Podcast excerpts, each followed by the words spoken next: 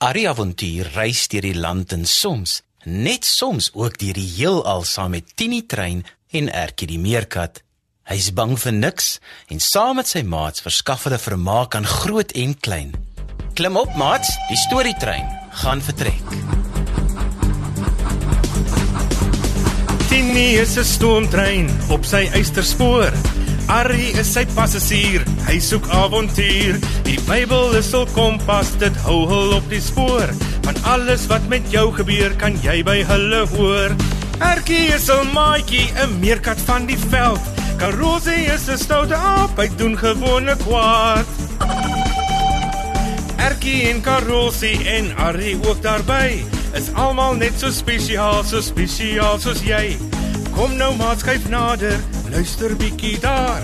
Is dit dalk die Tini trein wat ek daar gewaar?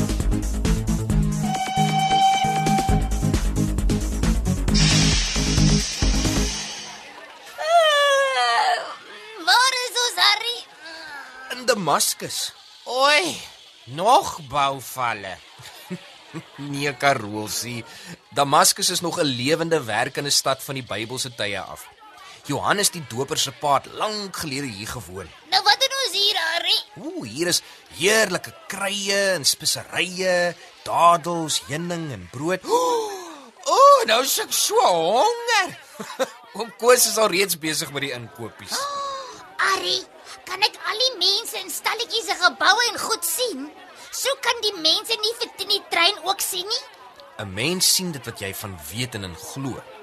En Tini het buitendien ook 'n fantastiese kamoufleringstelsel, onthou? Hm? Tini se spoor loop oral, maar dis net sigbaar vir die wat daarvoor soek. Solank om Koos net weer vir Tini kry. Oeg, my maag grom. Gaan ons ook rondloop in die stad Harry? O, Damaskus is baie woelig. Ek dink nie dis 'n goeie idee nie. Ag, kan ons nie net 'n paar minute uitgaan om ons bene te strek en bietjie vars lug in te asem nie? Ek kan om Koos mos help dra. Nee, Karolsie. Hoe dink jy sal die mense reageer as 'n pratende aapie saam met 'n mens rondloop en hom help om inkopies te dra? Ek weet jy is reg Harry, maar dit is nogal jammer dat ons nie net so klein bietjie kan rondkyk nie. Pas die mense van Damaskus darm hulle stad mooi op, hè? Wel, dit lyk vir my so, maar dis moeilik. Damaskus is in Sirië. Sirië is deel van 'n oorlogsgebied op die oomblik. Kyk hier op Tini se rekenaarskerm. En dan wys ek julle 'n paar foto's van wat die bomme hier in Damaskus gebreek het die afgelope tyd. Jokas Harry, dis mooi. Ooh, Is dit 'n muur? Dit lyk asof hulle 'n prent gemaak het van die mooiste bome en tuine uit 'n klomp gekleurde blokkies. ja, dis mooi, né? Mens noem dit 'n mosaïek. Mosaïek. Dit is van baie gekleurde teëls gemaak wat so teen die muur vasgesit is. Eh, Dit is 'n rukkie terug heel gemaak nadat 'n bom 'n groot stuk daarvan gebreek het. Jo, dit lyk asof daar 'n groot gat in die muur van hierdie gebou is. Ja, Ertjie, die gat is dwarsdeur. Dit is die westelike muur van die stad en die gat sit naby aan die troonkamer wat 'n tydjie terug gerestoreer is. Wat is mm, rest areer? Uh, uh, is dit 'n plek waar mense kan sit? Ja, ja, dit klink net so. Rest 'n reer. my maat, ek het vir my 'n bietjie Engels probeer leer. en ek onthou net rest beteken om te rus.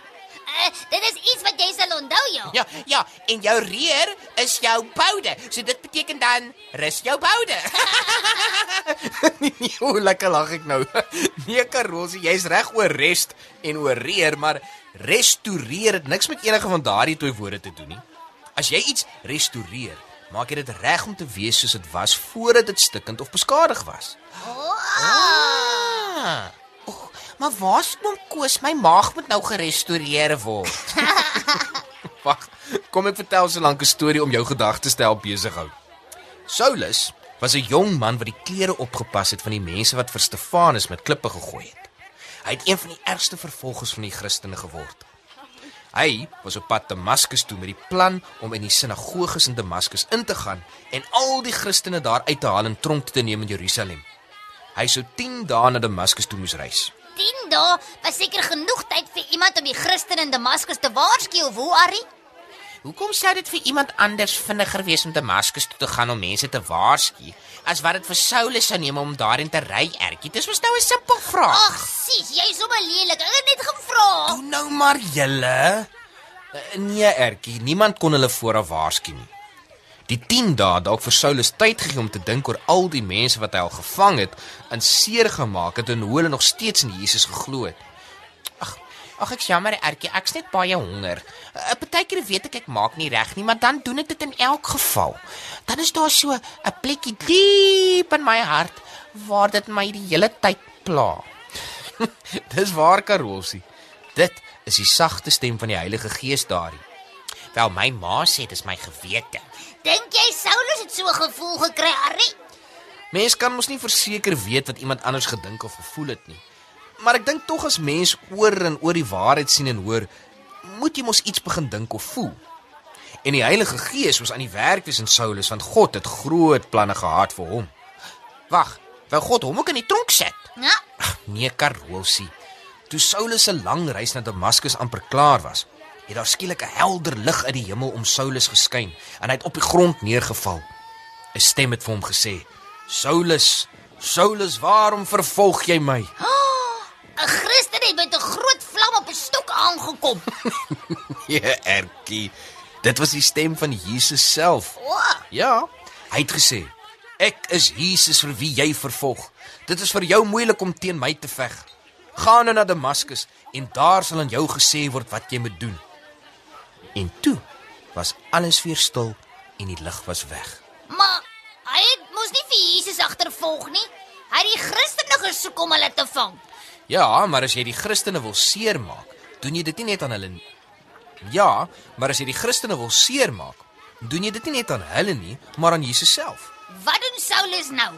Het hy geglo dat dit Jesus was wat met hom gepraat het, Arrie? Het hy besluit om nie meer die Christene te vang nie?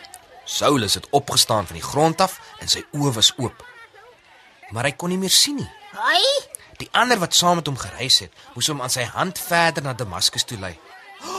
Ooh, hier kom oom Koos nou. Ooh, ek gaan gou uit om hom te help dra. Mense sal my nie in hierdie kort stukkie raak sien nie. Uh, Karolsie, wag, waar toe gaan jy nou? Hey, hey, wag, Karoosie, wag, wag. Ooh, ah, ekskuus, jammer. Haida, dit brand. Haida, dit brand. Haida. O, toggie, wat toggie, wat genoue? Haida, dit brand. Ek spoel langs die oom met skoon water oom Koos. Uh, laat jy nie ons na die naaste veearts toe neem asseblief. Tini is 'n stoomtrein op sy eysterspoor. Arrie is sy passasier, hy soek avontuur. Die Bybel is hul kompas, dit hou hul op die spoor. Van alles wat met jou gebeur, kan jy by hulle hoor. Erkie is 'n maatjie, 'n meerkat van die veld. Karosie is 'n stoute aap, hy doen gewone kwaad. Erkie en Karosie en Arrie ook daarby is almal net so spesiaal, so spesiaal soos jy. Kom nou maat skuif nader, luister bietjie daar. Is dit dalk die Tini trein wat ek daar gewaar? Die avonture van en Erkie is geskryf deur Elsie Stander. Dit word opgevoer onder spelleiding van Lazelle de Bruin, tegnies versorg deur Neil Roo en vervaar deur Worldwide Media.